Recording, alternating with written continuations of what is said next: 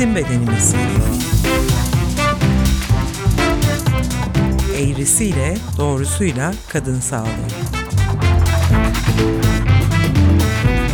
Irmak Saraç ve Deniz Koloğlu hazırlıyor ve sunuyor.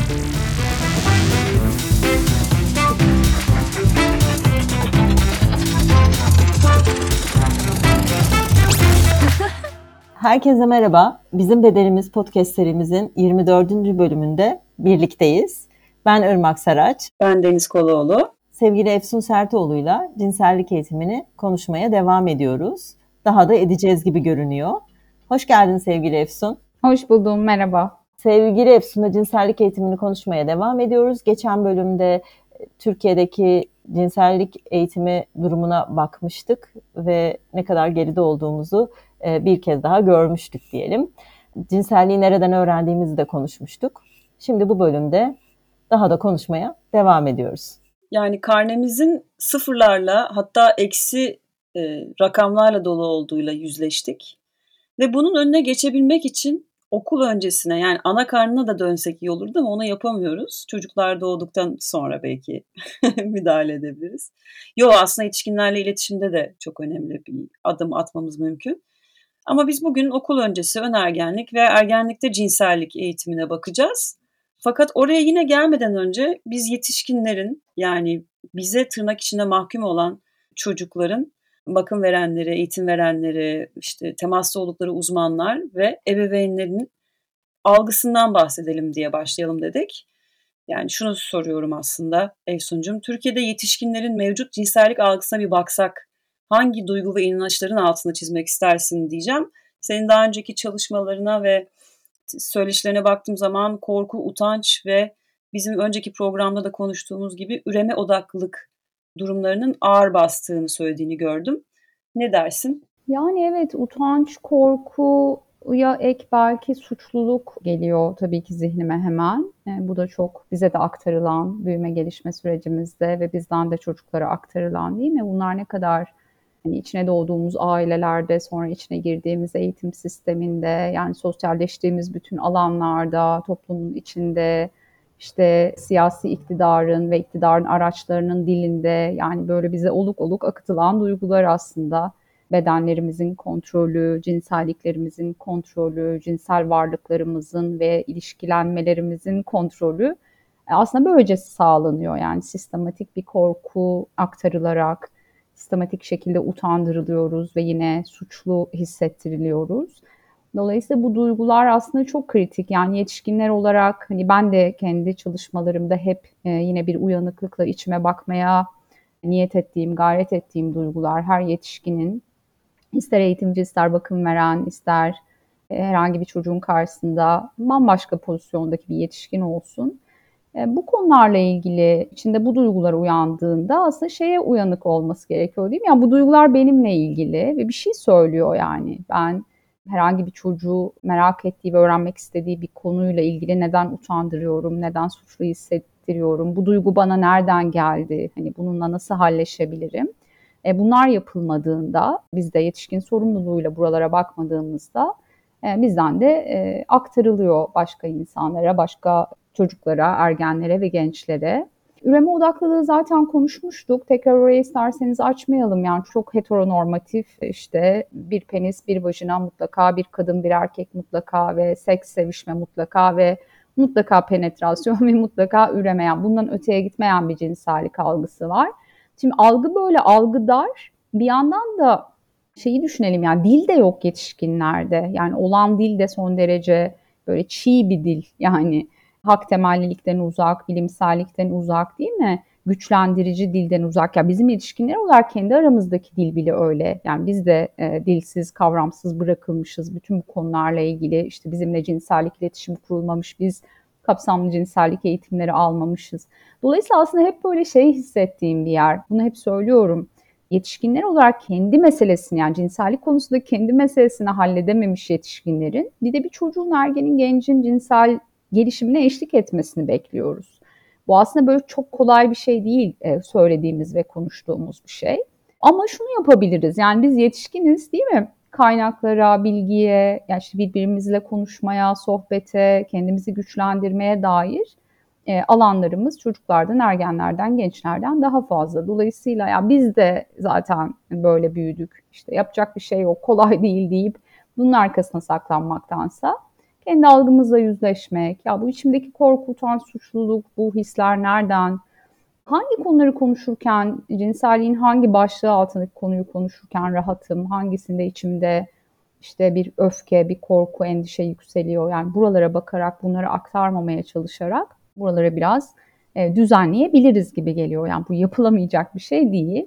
Dolayısıyla şimdilik böyle hani ilk cevap niteliğinde içimde uyananlar bunlar oldu. Bilmiyorum ekleme yapmak ister misiniz? Ekleme değil ama ben de çağrıştırdığı özellikle dil kısmında kendimize ait bir dilimizin olmaması kısmında e, gerçekten çocuklara kendi bedenlerini tanıtırken de özellikle kız çocuklarına nasıl organlarıyla ilgili hiçbir bilgi veremediğimiz.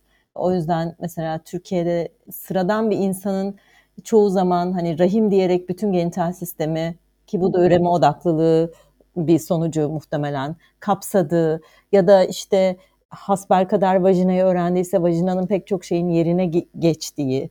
Yani dilimizde de sözcüklerimizin olmaması çocuklara hani anatomiyi bile anlatırken yani bedenlerini tanıtırken bile çok eksik kalmamıza sebep oluyor. Kesinlikle e.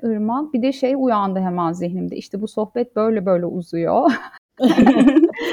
Ama şunu da söyleyeyim. Yani gerçekten özellikle e, cinsel organların abuk subuk isimlendirilmesi konusunda bir külliyata sahip bu toplum. Ağırlıkla yine hani doğumda atanan cinsiyeti kız olan çocuklar için yani inanılmaz bir liste var yani işte pamuklar, şeftaliler değil mi? İşte böyle işte kontesi duydu bu kulaklar yani hani kontesler işte e, uydurulmuş bir takım kelimeler hani geçtik kukuyu falan artık.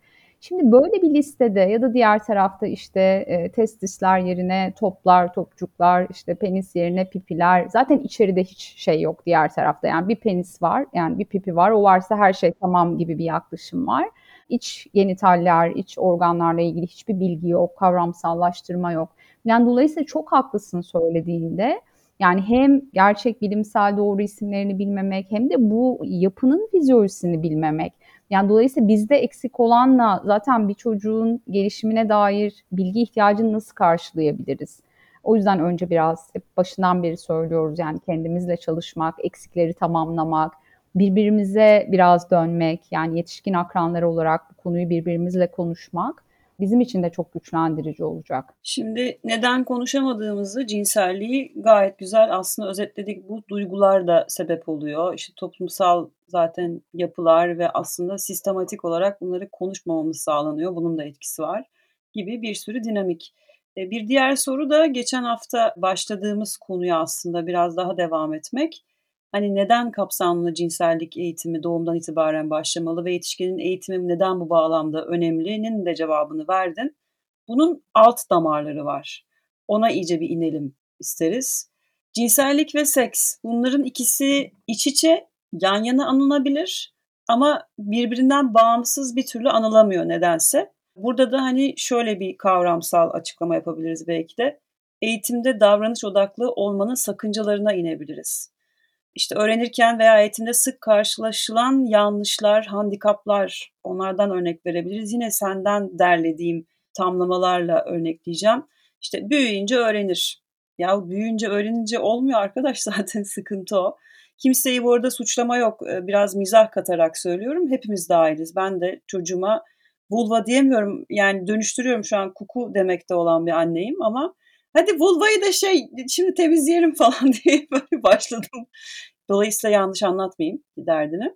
Çok bilgi yüklemek de yani bunun tersi hani yokmuş gibi davranmanın farklı biçimi olarak bilgi kaynağı eksikliği yani hem bizim bilmememiz hem de çocuğu bilgiden belki uzak tutmak gibi bilmiyorum yani burada sen bize anlatırsın. Ayrıca ayrımcılık, cinsiyetçilik, ahlakçılık ve ikili cinsiyet sistemine sistemini çocuklara dayatmak gibi gibi. Evet böyle bir giriş yaptım. Sen oraları beslersen çok seviniriz. Evet, bu şimdi çok geniş bir soru gerçekten. Biraz neresi Sohbet edelim zaten üzerine. Evet, nereden başlayacağımı biraz şey oldum, hafif şaşırdım ama yine içimde uyananları takip edeceğim. Onlar götürecektir bir yere. Şimdi şeyden başlayalım. Yani cinsellik aslında biraz başta da konuştuk ya çocukların zihninde de biz böyle algıladığımız, toplum böyle algıladığı için çok davranış odağında, hakikaten sınıflarda da kapsamlı cinsellik eğitimi çalışmalarında çok sık karşılaştığım bir şey. Özellikle ergenler ve gençler için. Nerede bir insan cinselliği kavramı kullansam, onlardan gelen yani insan cinselliği kavramı kullanarak sorduğum herhangi bir safça soruya e, hep böyle şeyi duyuyorum. Davranış tarifliyorlar. Yani onlara hep yeni sorularla şeyi söylemem gerekiyor. Bu eylemsel kısım. Peki sadece bundan ibaret mi? Yani o zaman şeyi gözlemliyor ve şunun üzerine çok düşünüyorum. Bütüncül olarak algılamaları o kadar zorlaşmış ki yani hakikaten bizde de öyle ya yani bizde de hani beden var sanki beden ayrı bir şey duygu ayrı bir şey sanki duyguyla ihtiyaç ayrı şeyler değil mi hani böyle bedensel varlık ya da cinsel sağlık ya da cinsel gelişim hani tüm boyutlarıyla bir bütünmüş gibi hissedemiyoruz ya biz de büyürken. Dolayısıyla benzer bir şeyi şimdi çocuklarda da görüyorum aslında. O yüzden hep orayı o bütünlüğe davet ederek çalışmak gerekiyor. Tamam aslında bir eylemsel boyutu var cinsel gelişimin değil mi? Ya da daha ilişkisel boyutu var e, davranışa dökülen.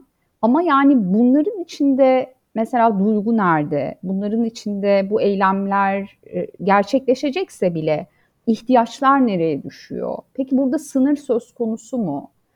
E, peki sınırı, duygunu, ihtiyacını bedende duyumsayabilir misin? Değil mi? Bunlar ne kadar kritik şeyler.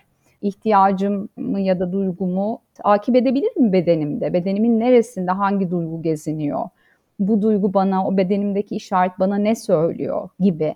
Yani şimdi bunları çalıştığınız zaman çocuğu ve ergeni sürekli o bütüncül e, bakışa yani kendiyle ilgili bütünlüklü bir bakışa davet ettiğiniz zaman hakikaten fark yaratıyor. Bir süre sonra şey dönüşüyor. Bu sadece eylem, eylem, eylem. Seks, mastürbasyon yani sürekli böyle algılayış. Yani zihin de genişlemeye başlıyor, zihin de esniyor. Ama zihnin esneyebilmesi için sürekli çocuğu, ergeni, genci o zihni esnetmeye davet etmeniz gerekiyor. Hani bir örnek, bugün yaşadığım bir örnek olduğu için söylüyorum. Bugün yani liseli gençlerle işte koruma yöntemleri çalıştık e, bir e, grupta ve orada koruma yöntemlerini, kondomları, bariyer yöntemleri konuşurken mesela işte bu dış kondom, e, eski adıyla penis kondomu olan dış kondom için şeyi konuştuk. Yani çok böyle hani penise takılır. Tamam. Başka başka türlü kullanılamaz mı? Yani bir seks oyuncağına da takılabilir. Kişiler parmaklarına geçirerek bundan bir finger kondom da yapabilirler. Bir ürüne geniş bakmak nasıl mümkün? Diye sorduğumda düşünmeye geliyorlar. Anlatabildim mi? Yani zaten her şey o kadar tanımlı, o kadar normatif, o kadar belirli biçimleriyle e, bize aktarılıyor ki bunu genişletmenin tek yolu daha geniş bakabilir misin? Esneyebilir misin? E, bize verilenin ötesinde başka bir şeyi görebilir misin diye sürekli davet etmek. Kendimizi de bu arada. Aynen öyle Deniz. Tam onu söyleyecektim. Bunu yaparken kendimi de davet ediyorum. Daha başkası mümkün mü? Mesela bugün şu geldi. Esniyor ya zihinler. Bunlar benim yıllardır çalıştığım gençler bir yandan da. Böyle her seferinde üstüne yeni şeyler koydukça daha da e, güçlü bir dilde oluşuyor. Mesela bugün tam da yine bu yöntemleri konuşurken o esneyen zihin şunu getirebildi. Aa şimdi düşünüyorum. Mesela kör biri kondom paketini açtığında onun hangi yöne katlandığını nasıl fark edecek hocam? Irmak ne diyorsun bu soruya? Muhteşem bir soru değil mi? Evet muhteşem bir soru. Üstelik de biz bunu konuştuk da programda. Prezervatiflerin nasıl takılacağına dair videolar ya da e, sözel olarak bildirimlerin hiçbirinin körleri kapsamadığını söyledik. Aynı şeyi petler için de söylemişti sevgili Benay. Hiç böyle bir farkındalığımız yok. Çünkü bizim de zihnimiz çok tek taraflı düşünüyor. Çok sağlamcı, bütün o norm değil mi? Sağlam beden, sağlam bedenlerin cinselliği. Dolayısıyla şimdi o gencin o söylediği yer benim için şu demek, muhteşem. İşte artık o zihin bütün kimliklerle, bedenlerle, ya hepsiyle birden değilse de artık ona niyet ediyor. Yani artık oradan dönüşü yok. Anlatabildim mi? Oraya geldik artık. Ee, yani sistemin tam da gelmemizi istemediği yere geliyoruz. Dolayısıyla onu konuştuk. Ah evet bak ne kadar muhteşem bir yer. O zaman ne kadar sağlamcı. Bütün bu ürünler de öyle değil mi? Herkesin ihtiyacını kapsamıyor. Hem zaten Türkiye'de bir kısmına erişebiliyoruz. Dünyadaki başka ülkelerdeki gibi çeşit çeşit bariyer yöntem yok. Bir yandan da olan da her cinselliği, her varoluşu kapsamıyor gibi. Neyse bu bir örnek sadece. Yani dolayısıyla burada e, bu cinsellik, seks, eylem yani buraları açmanın en iyi yolu önce kendimize ve sonra ilişki içinde olduğumuz çocuklara, ergenlere, gençlere gerçek bir merakla, safça soru sormak. Ve sormaya davet etmek. Davet etmek, birlikte düşünmeye. Şimdi handikaplarda Deniz çok güzel özetledim. Bir de oraya şeyi ekleyeceğim. Bu da son zamanlarda çok sık duyduğum işte biz cinsellik eğitimi mi aldık? Ay keşke alsaydık ya buna yaslanmayalım yani. Cinsellik eğitimi almak çok da matah bir şey değil, altyapılı bir cümle mi bu? Evet hani biz de büyüdük. Ne var gayet sağlıklı bireyleriz. Bilmiyorum sağlıklı mıyız? Yani umarım sağlıklıyızdır. Umarım iyiyizdir. Ben biraz şüpheyle yaklaşıyorum. Hani rahmetli anneannemin biz psikoloğa mı gidiyorduk insafa çağırması geldi. Çok benziyor. Evet. Bizim zamanımızda psikolog mu var? Ay keşke olsaydı ya. Keşke o zamanlardan başlasaydık gibi değil mi? Belki bu kadar aile travması aktarılmazdı. E, dolayısıyla burada şey yani almadık ama almamakla övünecek, almamaya yaslanacak, hani biz de iyiyiz okey onlara da gerek yok diyecek bir noktada değiliz yani. Bunun bir hak olduğunu söyledik, gelişim için çok önemli bir ihtiyaç olduğunu söyledik. Bunun çok güçlendirici olduğunu söyledik vesaire. E, şey vurgun çok önemli. Yani büyüyünce öğrenir hani çok geç. büyüyünce bazı şeyleri öğrenmek için çok geç. Bu da cinsellik iletişimi tabii devreye giriyor. Çoktan başladınız cevabıyla. Hı hı. Elbette. Aynen. Çoktan başladığınız atıfta bulunalım tekrar. Çok bilgi yüklemek çok kritik. Yani biraz kendi deneyimim üzerinden de küçücük ilk bölümde bahsetmiştim. Yani hiç yok gibi davranmak değil ama çok fazla. Yani ihtiyacın ötesinde çocukta, ergende, gençte bir hazır bulmuşluk olmadan, herhangi bir yani bir zemin olmadan dur yere yani çocuğu karşımıza alıp hadi gel şimdi otur ve böyle bir şeyden bahsetmiyoruz. Yani değil mi? Bunu yapmak yerine şu var. Ben her zaman bu ihtiyaçların için buradayım. Soru değil sadece sohbet için buradayım. İçinde büyüme var, gelişme var, değişimler var, flört var, aşk var. Neyse duyguların, ihtiyaçların var. Hepsi için buradayım. Dinlemeye, duymaya hazırım demekle hadi şimdi gel seni ergenlikle ilgili bilgilendireceğim demek arasında çok fark var. Çocuğu karşımıza alıp hiç onun onayı, hazır bulunuşluğu yani değil mi? Önceden bir şeyi olmadan. Pardon Efsun şunu eklemeyi de istedim özür dilerim yine sözünü kestim. Çocuğu sormuşken de o sorma halini suistimal etmemek yani orada da bir bilgi dur ay sordum mu hemen sana anlatayım bak falan deyip böyle bir atlas açmak da korkutucu olabilir ve sıkıcı olabilir. Sıkıcılık da bir handikap bence çünkü didaktik olması bir yana sıkıcılık da bir handikap. Öf falan diye böyle göz devirerek dinlemesin bizi bir genç. Evet, genelde söyledikleri zaten ergenlerin şey gibi yani bir şey soruyoruz hemen şeye dönüyor nasihate. Yani o başta da konuştuk ya hani yetişkin şeyi o bizim artık tuzağımız düştüğümüz. Hani hem bir şeyi anlatarak, öğreterek e, vermeyi sevmek hem de hemen bir nasihat kısmına girişmek. Mesele biz değiliz. Mesele bizim ne söyleyeceğimiz değil geliriz zaten oraya. Mutlaka geleceğiz ama mesele o yani oradaki varlığın kendisi. O büyüme gelişme sürecinde ihtiyaçlar onun ihtiyaçları. Dolayısıyla hani kendimizi biraz geride tutarak daha duyan, anlayan, yani aşırı bilgi yükleyen değil, çocuğun ihtiyaç duyduğu şeyi tam anlayıp ya e, doğru ben mesela yapıyorum bazen sınıflarda bir şey soruyor emin olmaya ihtiyaç duyuyorum. Bazen bizim algıladığımızla onun sormaya çalıştığı şey de farklı olabiliyor ya. Şey soruyor, söylüyorum. Şöyle duydum sizi. Bunu sormaya çalışıyorsunuz gibi duydum. Doğru anladım mı sizi? Merak ettiğiniz yer burası mı diyorum mesela. Evet diyor falan. Yani biraz böyle teyit ederek hani tam o ihtiyaç neyse ona dair bilgi vererek bilmiyorsak bilmeyebiliriz samimiyetle ya gerçekten bilmiyorum ya da biliyorsam ama o sırada onun yaş yaşına nasıl aktaracağımı bilemediysem yine açık bir iletişimle ya bunu biliyorum aslında ama daha yetişkin diliyle biliyorum.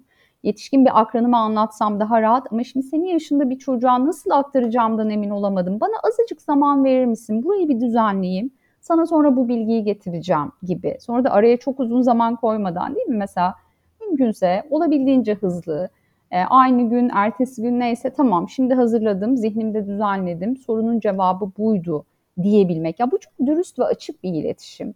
Geçiştirmiyorsun, yalan yanlış bir şey söylemiyorsun değil mi? Kaş göz devirmiyorsun. Ya açıklıkla insanca yani son derece sorumlulukla diyorsun ki bunun cevabı bende var. Ama yani onu da gözettiğini hissettiriyorsun. Bunu sana doğru vermek isterim. Sana doğru getirmek isterim.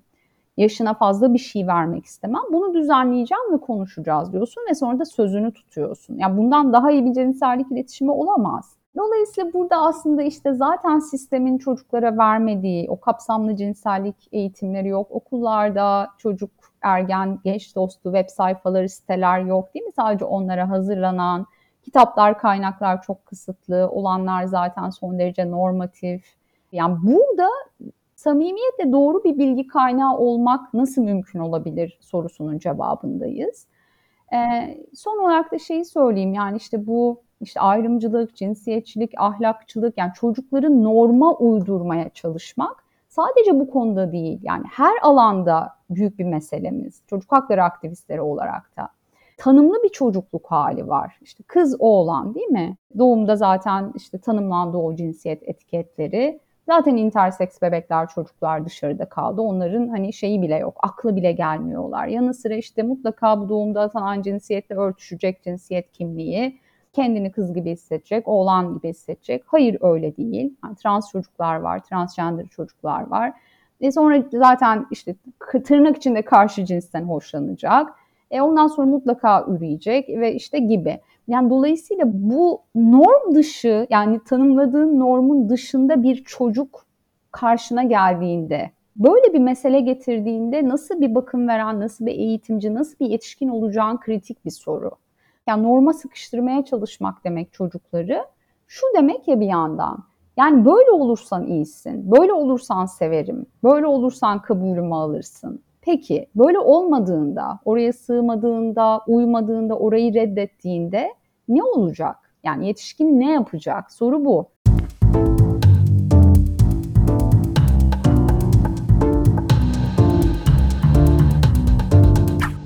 Bir, bir şey daha var Evsun pardon. Burada da ben senden değil etrafından korkuyorum ee, ya da işte evladım yalnız kalırsın ya da çocuğunun dışlanmasından, aşağılanmasından korktuğu için de e, insanlar bir kalıba sokma konusunda ısrarcı olabiliyorlar. Burada şunu söylemek istiyorum. Aslında ilk ayrımcılığı da kendileri yapmış oluyorlar dışlayarak onları. Yani dışarıdakiler seni dışlamasın. O yüzden önce ben dışlayayım, seni bir hizaya çekeyim gibi oluyor birazcık da bu yaptıkları tam da. Kesinlikle öyle. Yani şey gibi hani ilgiyi, sevgiyi, bakımı kesmek değil mi? Yani bu e, şey bir şey işte tam şunu söylüyor. Yani hangi çocuk sevilir bu toplumda, bu ailelerde? Uslu çocuk, norma uyan çocuk. Yani isyan etmeyen çocuk. İşte devlet de böyle vatandaş seviyor ya çok benziyor yani aynı şey. İsyan etmesi, muhalefet etmesi. Yani o zaman bizim zaten yetişkinlik perspektifimizde bir şey yok mu? Yani çocuk ve çocukluk algısına dayanan.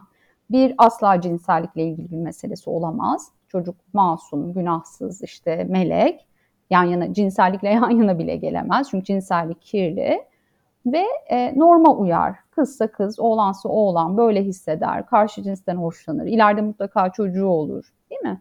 Ve işte kız ve oğlan toplumsal olarak beklediğimiz o toplumsal cinsiyet, beden cinsiyet ifadesine tırnak içinde uygun görünür, uygun hareket eder, rolleri benimser. Böyle çocuğu seversin zaten. yani bunda bir şey yok. Burayı kapsarsın. Buraya eşlik edersin. Mesele şu, soru şu. E peki bunların dışındaki varlık ona nasıl bakım vereceksin? Bence kritik bir soru. Burada bir şey söylemek istiyorum. Efsun'un söyledikleri kafamda şöyle bir ebeveynlik, yani ebeveyn olarak kendimizi sanki şöyle bir yerde konumlandırıyoruz. Bir müfredatımız var. Okulda öğretmeniz ve verilmesi gereken şeyleri vereceğiz. Bunun dışında bir şey talep edilirse geçiştireceğiz. Çünkü zaten klasik eğitim sistemi de bu şekilde ya milli eğitimin sistemi. Oysa ki ebeveyniz biz yani öğretmen değiliz. Yani çocuğun da öğretmeni değiliz bir yandan da. Öğretmek tabii ki hayatta kalmakla ilgili ya da bir birey olmakla ilgili tabii ki ona öğreteceğiz. Ama bu öğretmekten kastım tabii ki tahtada ders anlatarak değil, davranışlarımızı örnek olarak e, duruma verdiğimiz tepkiyle öğreniyor ya çocuklar aslında bunu biraz da. Oysa ki bu cinsellik eğitimine geldiği zaman biz direkt şey oluyoruz. Öğretmen kesili veriyoruz. İşte çocukları o yüzden nasihat gibi duyuyorlar e, her şeyi. O yüzden böyle bilgi boca edebiliyoruz. O yüzden onları sürekli okulun kurallarına uydurmak gibi toplumun kurallarına uydurmaya çalışıyoruz. Tabii buradaki kurallardan kastım birlikte yaşamanın kuralları değil de cinsellikle ilgili kuralları diyeyim. Toplumun dayattığı. Böyle konumlandırıyoruz ve o zaman ebeveynlikten çıkıyoruz. Çünkü sonuçta ebeveynlik biraz da şey değil mi yani? Koşulsuz sevgiyi de az çok beraberinde getiriyor. Böyle olursan severim, böyle olmazsan sev sevmem gibi bir şey değil ebeveynlik. Her koşulda sevebilmek, her koşulda kabul edebilmek. E, şimdi aslında yine konuştuğumuz konular ama biraz sonuçlardan konuştuk. Yani sonuç dediğimde biz yetişkinler, biz bir şeylerin sonucuyuz.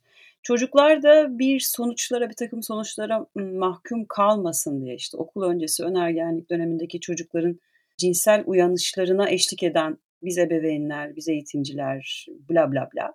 Ve onlara eşlik ediyoruz aslında. Böyle özetleyebiliriz. Yapmamamız gereken şeyi anladık. Onların kendi bedenleriyle ilişkilerine ve cinsellik algılarına ket vurmamak, sıkıştırmamak, boğmamak, bir kalıba sokmamak peki. Güvenilir doğru kaynak olduğumuzu hissettirmek yine bakım verenler olarak. Bunları da anladık. Burada nasıl bir üslup geliştirilmeli? Yani şöyle de bir, bir şey soracağım. Programdan önce konuşuyorduk sevgili dinleyiciler biz birkaç dinleyicimizden şey aldık. E, nasıl diyeyim? Ay bu konu çok iyi. Bizim de şöyle sorunumuz var dediler ki Irmak o yollardan geçmiş olabilir mi? Benim kısçam biraz ufak. Hani bir takım cinsel uyanışlarda bazı davranışsal şeyler olacak gerçekten yani kelime anlamıyla davranışsal. Ve orada da yapmamam gereken şeyi biliyorum. Çocuk kendini keşfediyor ve onu utandırmamam lazım. Eyvallah ama bunu nasıl yapacağım? O bir tek bir adım değil, bir ömür boyu süren bir şey, bir farkındalık. E, ama çok doğru bir endişeden bahsetti Efsun. Yani bir yaşı konuşursam öbür yaş dışarıda kalır. Bir örneği konuşursam öbür örnek dışarıda kalır ve belki de kafalarda bir dakika benimki öyle değil ya benimki şöyle gibi endişelere mahal verebilir dedi. O yüzden topu atıyoruz şimdi Efsun'a. Bakalım nasıl bu zor konuyu toparlayacak. evet Efsun'cum dinliyoruz evet, seni. Çok anlıyorum. Somut işte hani reçete ihtiyacı, somut örnek ihtiyacı zihinlerde ve içimizde somutlaşsın ihtiyacını çok anlıyorum, duyuyorum. Yani emin olun sevgili dinleyenler. Ancak tabii ki böyle somut örnekleri hani böyle atölye çalışmalarında, eğitimlerde böyle şey marul metaforunu çok seviyorum ben ve çok kullanıyorum. Yani marul gibi satır satır yapraklarını ayıra ayıra böyle analiz ediyoruz. Ama şimdi burada bir podcast'te çok kolay değil. Yani bazı somut örnekleri analiz etmek. Ama tabii birkaç tane bahsedeyim. Hemen aklıma gelen böyle hatta bugün de bir e, öğretmen seminerindeydim. Öğretmenlerle çalıştım. Böyle hemen oradan da taze birkaç örnek. Şimdi sen Deniz cinsel uyanış dediğin için aklıma tabii ki hemen daha çocukluk çağı mastürbasyonu geldi. Hani ergenlik için durum biraz daha farklı değil mi? Ergen daha işte bilinçli denemeler, işte kendi bedenini, hazını, e, cinsel organlarını keşfetme süreci yaşayabiliyor. Yaşamak zorunda değil, her ergen böyle değil. Çünkü daha ergenlikte işte o hormon salınımının artması, daha farklı bir cinselleşme sürecinin başlaması, işte ergenin temel meseleleri zaten işte beden, kimlik, cinsellik, ayrışma gibi meseleler. O yüzden hani oradaki mastürbasyonu şimdilik tutalım kenarda bir yerde. Daha böyle çocukluk çağı mastürbasyonu ile ilgili böyle benim işte bir danışmanlıklarını da sürdürdüğüm, işte yetişkinlerle de konuştuğum birkaç case geldi aklıma. Oradan böyle bir iki şey paylaşayım. Şimdi mesela işte diyelim ki 6 yaşında bir çocuk böyle işte bir e, çizgi film seyretme anı hayal edelim. Yanında da birinci bakım veren var. Ve çocuk işte bir şeyler izlerken bir yandan yaparlar çocukları öyle işte kendi bedenine, cinsel organına dokunuyor ve bundan da böyle keyif aldığını fark ediyor yanındaki bakım veren. Şimdi burada genelde hep ebeveynlerin bana söylediği şeydir. İçimde bir panik hissettim. Önce mesela bu bu paniği konuşurum. İlk yani ilk konuşmayı sevdiğim ve tercih ettiğim yer burası olur. Çünkü tam biraz önce söyledim ya içimde uyanan korku, içimdeki suçluluk, öfke. Burada bazı ebeveynler şey de der. Gördüm yüzündeki keyfi ve öfke hissettim der. Bu sizle ilgili, bizle ilgili bir duygu. Yani ben de bir eğitimci olarak sınıfta bir ergen bir şey söylediğinde içimde bazen alev alev öfke uyanabiliyor. Mesela işte bir tecavüzle ilgili bir şey söyledi diyelim ki. Ama bunu tırnak içinde söylüyorum ben. Bu bir şaka değil. Şaka diye söyledi ya da işte homofobik bir şey söyledi. İçim cayır cayır yanar, öfkelenirim. Ama buna uyanık olmak ve bunu fark etmek benim meselem. Yani çocukla ilgili bir şey değil. Çocuk onu iyi ki getiriyor ki orayı düzenleyeceğiz, çalışacağız. Peki. Şimdi dolayısıyla bu paniğe bir dikkat çekerim önce. Yani böyle bir duygu tariflediniz. Yani bu, bu neden olabilir acaba? Yani bu duygu ne söylüyor size, ne anlatıyor? Sonra mesela şey olur genelde böyle hemen çizgi filmi durdurup böyle çocuğa müdahale etmek genelde hemen hızla o anda. Böyle örnekler var işte ne yaptığını gördüm işte özel bölgene sadece tuvalette dokunabilirsin ve hani bunun bir daha olmasını istemiyorum gibi mesela. Yani bunun farklı cümleleri, farklı versiyonları zihniniz çoğaltsın. Şimdi bu ne kadar sorunlu bir yaklaşım değil mi? Yani cinsellik iletişimi bakımından değerlendirdiğimizde. E, her şeye anlık müdahale etmemek mümkün. Gördük, bedenini keşfediyor. Ebeveyn uzaklaşabilir. Evet biraz gidip içeride yatışabilir.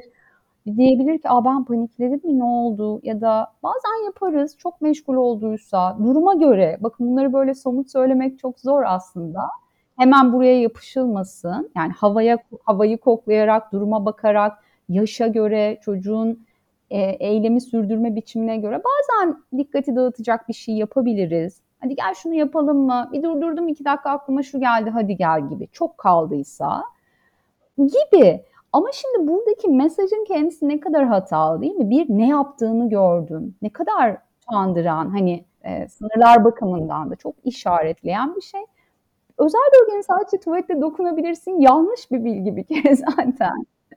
evet ben de ona takılmıştım gerçekten.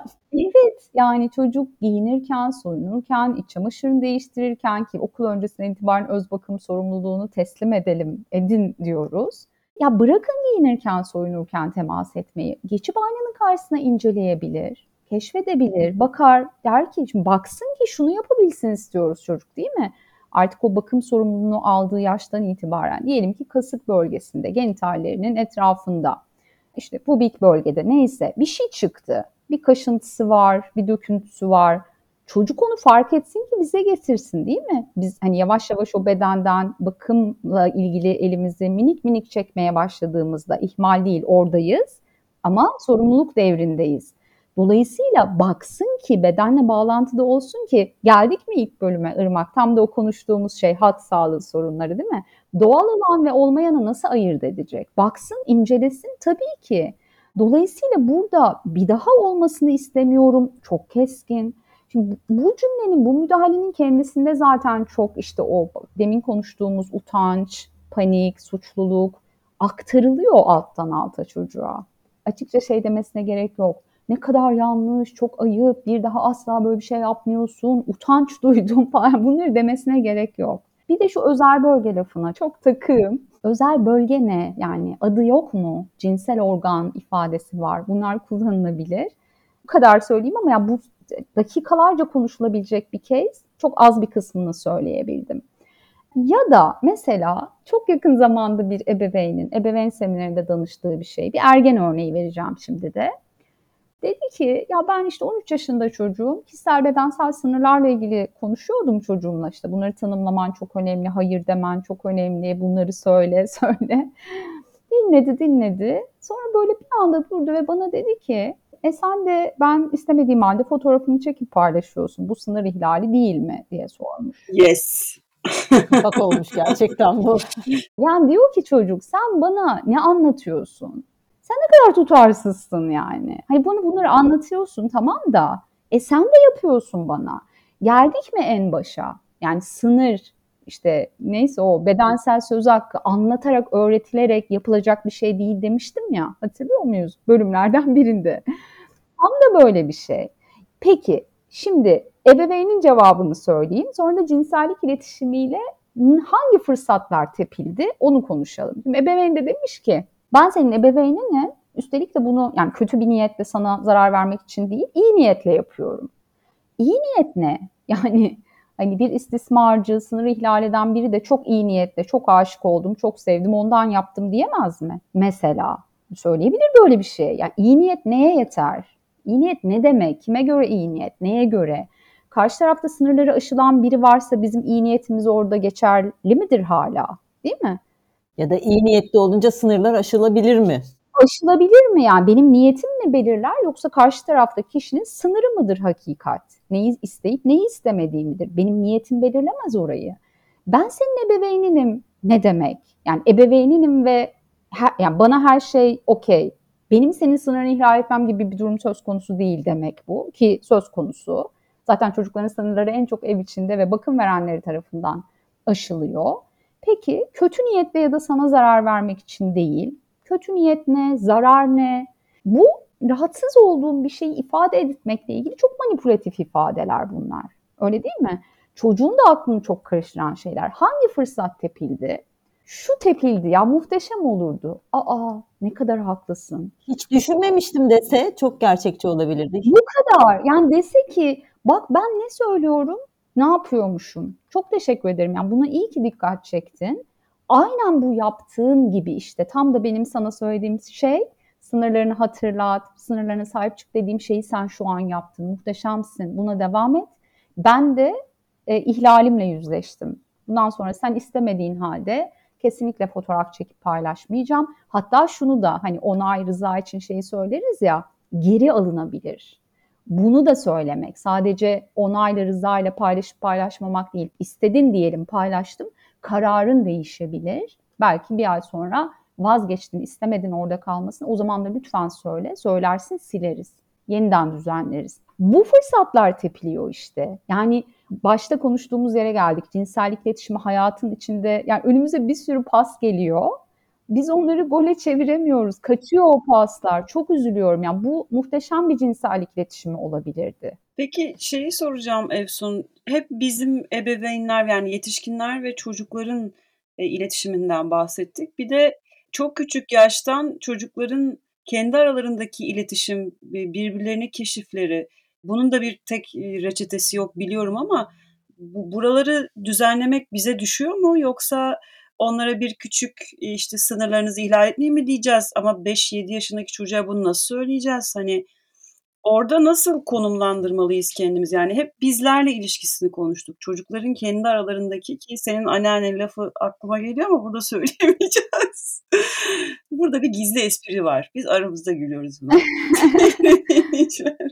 Neyse yani buraya doğru bir şey, bir cümle atabilir miyiz? Yani çocuklar çok güzel cinsel oyunlar oynuyorlar ve e, onlara cinsel oyun diyoruz yani daha çocuksu merakla. Ergenlikte de oluyor yani daha cinsel içerikli sohbetler, bazen şakalaşmalar değil mi? Böyle bazen e, yazışmalar yani ama böyle hani birazcık daha küçük yaş grubu için sorduğunu anlıyorum. Ee, daha meraka dayalı, işte bir ötekinin bedenine bakmak, kendi bedenini göstermek, işte kapı arkasında küçük öpüşmeler, işte tuvalet kabinine beraber girmeler değil mi? İşte kabinin altından bakmaya çalışmalar, benimki böyle, onunki nasıllar, işte bebekleri öpüştürmeler, işte biz evlendik, çocuk yaptıklar falan. Yani bunlar hepimizin çocukluk çağında yani hepimizin değil ama demeyeyim ama çoğumuzun oynadığı çocuksu meraka dayalı cinsel oyunlar.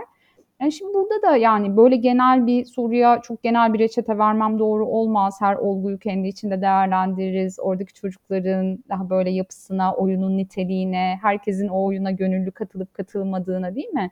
Hani bir taraf istedi, öbür taraf zorla mı orada bir şey oldu. Yani bunların hepsine bakmak gerekir. O yüzden çok şey bir şey, çok genel bir şey söyleyeceğim. Yani bu oyunlar e, doğal, çok beklendik e, gelişim dönemi özellikleri çerçevesinde.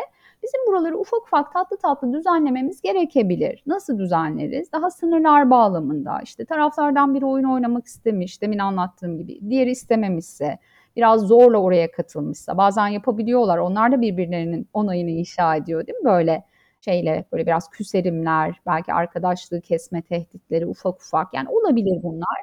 Öyle bir durumda şeye bakmak yani oyun, şaka, beraber hani bunları paylaşmak hani bir şey yani bir şeyin oyun olması ya da işte keyifli olması herkes istediğinde.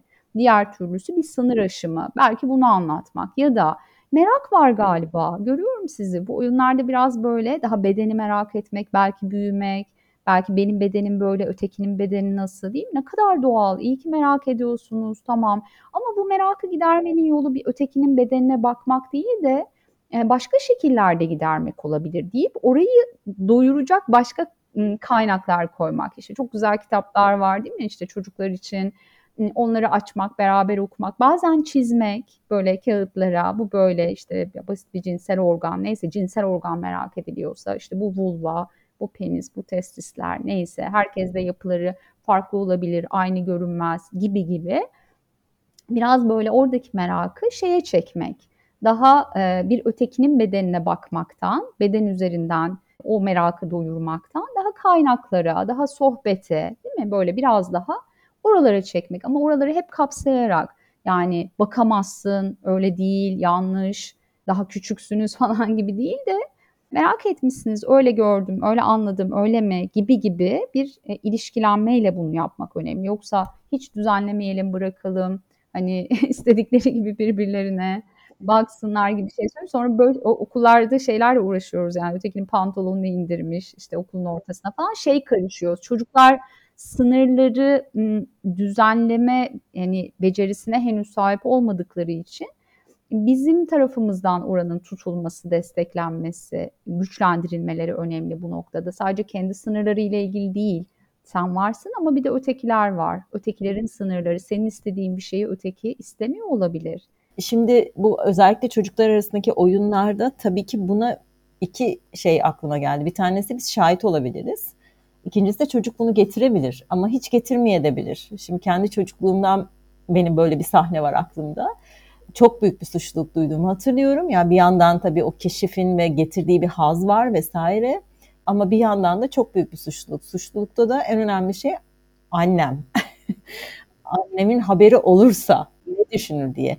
Hani o hep konuştuğumuz o cinsellik iletişiminde o açıklık yani çocuğun getirebilme halini de baştan sağlamazsak o zaman kendisi de hani bir sıkıntı olduğunda duyacağı duygusal yani hissedeceği şey sadece suçluluk olur o zaman da getiremez zaten. O zaman da bizim düzenleyecek bir şeyimiz de kalmaz. Bir şey daha ekleyebilir miyim buraya? Çok önemli bulduğum ve söylemeden geçmek istemediğim. Yani bu cinsel meraka dayalı çocuklar arasındaki oyunlar, şakalar, veya işte ergenlikteki biraz önce tariflediğim işte bir takım yazışmalar, sohbetler yetişkinler tarafından bilindiğinde, onların önüne geldiğinde çoğu zaman genellikle bakım verenler hatta bazen eğitimciler tarafından böyle bir taciz ve istismar gibi hukuki kavramlarla ele alınıyor. E, bu çok sık yaşadığımız bir şey. İşte bu çocuk benim çocuğuma falan gibi. Bu yani çok tehlikeli, çok yanlış. Yani sadece e, bakım verdiğimiz çocuklara karşı değil, tüm çocuklara karşı sorumluluk sahibiyiz. Onların değil mi üstün yararı için tüm yetişkinler olarak. Dolayısıyla çocukların arasındaki bu dinamikler yani bir hukuki kavram olan değil mi bir suç tanımı olan istismar, taciz gibi kavramlarla eşleştirilemez. Çocuklar arasında bir sınır aşımı varsa da değil mi? Hani bu ayrıca ele alınır zaten. Diğer çocuğun, sınırı aşan çocuğun da süreci gözetilerek. Çünkü böyle bazen ebeveynler çok öfkeyle işte bu çocuk benim çocuğuma bunu yapmış, işte tuvalet kabinin altından bakmış, bütün çocuklar için tehlike, bu okuldan gitsinler falan çok büyük yaşanıyor. Polisle geleceğiz yoksalar falan. Ya bunlar e, gerçekten çok tehlikeli, beni çok ürkütüyor, çok açıkçası çok hayal kırıklığı da hissettiriyor içimde yetişkin olmakla ilgili. O yüzden e, bunları lütfen birbiriyle karıştırmayalım. Yani cinsel oyun başka bir şey, cinsel taciz, cinsel istismar bunlar birer suç tanımı. E, toplumsal cinsiyet temelli şiddet, cinsel şiddetin biçimlerinden biri. E, çocuklar söz konusu olduğunda sorumlu davranmaya davet ediyorum hepimizi. Hak odaklı dediğimiz gibi. E, bu bölümü sonlandırmayı öneriyorum. E, dördüncü bölüme gidiyoruz. Acaba beş çıkar mı diye bu programı yaparken de hatta böyle bir 10. dakikasına düşünmeye başladım ama. Efsun e, bunlara dair eklemek istediğin bir şey var mı konuştuklarımıza dair? Ben eklemek isteyeceğim bir şey hatırlatacağım. Minu'nun şarkısını. Muhteşem bir insansın. Çok teşekkür ederim.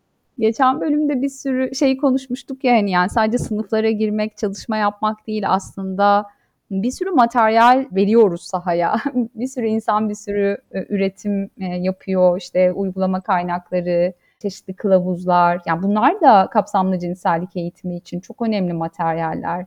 Yetişkinler için, ebeveynler için, eğitimciler için, işte psikolojik danışmanlar için. Bunlardan bir tanesi Mimoza Çocuk Çalışmaları ekibinin içindeyim ben. Benim dışımda 6 arkadaşım daha var. Çocuk hakları alanında birlikte mücadele yürütüyoruz ve çocukların bedensel söz hakları ile ilgili savunuculuk yapıyoruz. Ve sahadaki materyallere çok itirazımız vardı. İşte bu sürekli özel bölge yaklaşımı biliyorsunuz. İşte oralarına kimse dokunamaz. Genelde hep mesajların işte kız çocuklarına gitmesi vesaire. O yüzden daha hak temelli, bütünlüklü böyle bir üretim yapmak istiyorduk çocukların bedensel söz haklarının korunup geliştirilmesiyle ilgili Mino'nun şarkısını hazırladık. Şarkı ve işte animasyon klibi YouTube Kids'te var. Mino'nun şarkısı.org sitesinde de tüm içeriklerimiz ve materyallerimiz yüklü. e, yetişkinleri o siteye ve o YouTube şeyine de davet etmiş olalım. Peki başka üretimler dahil olacak mı oraya?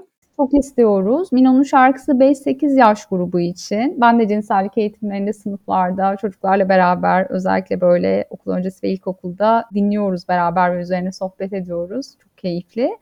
E, Bir üst yaş grubu için de bir şey var aklımızda. Böyle özellikle onay çok geçiyor içimizden. Bakalım yani yapmaya çok e, isteğimiz ve niyetimiz var. Umarım yapabiliriz. Bu bizim bedenimiz, hayır diyebiliriz. 24. bölümden Efsun'cum tekrar teşekkürler. Gelecek hafta yine görüşmek üzere. Ben teşekkür ederim. Hoşçakalın. Hepinize güzel, sağlıklı, özgür bedenli ve mutlu çocuklarla dolu bir hayat diliyorum. Bir sonraki bölümde görüşmek üzere. Hoşçakalın.